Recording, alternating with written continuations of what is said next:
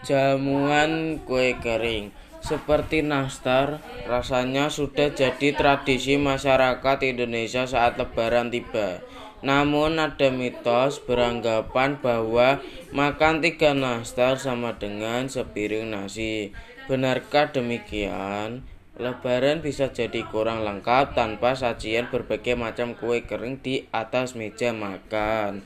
Kue kering seperti lidah, pucing, putri salju, nastar, dan kastengel mungkin sudah tersedia di atas meja makan Anda.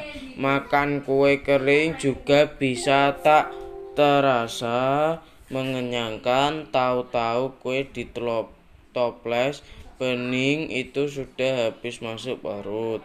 Padahal mitosnya kalori dari makan tiga butir nastar sama dengan sepiring nasi.